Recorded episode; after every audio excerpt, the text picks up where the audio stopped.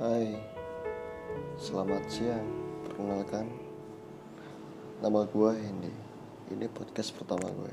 Jadi dari podcast ini, gue akan berbagi sedikit cerita tentang apa yang gue alami setiap hari. Selamat mendengarkan.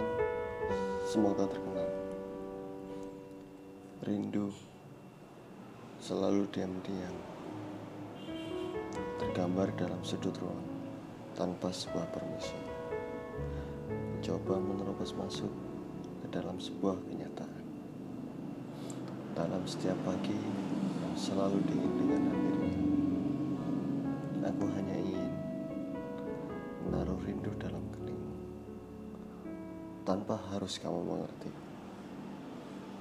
Aku tidak pernah menyesal jika kelak doa-doa yang aku panjatkan Tuhan tidak menjadikannya sebuah kenyataan karena mencintaimu ada hal yang sangat berharga. Walaupun ketidakpastian selalu menjadi sebuah kenyataan.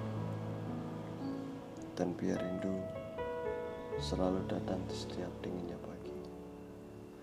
Dan biar rindu ini indah dengan arti kesendiriannya.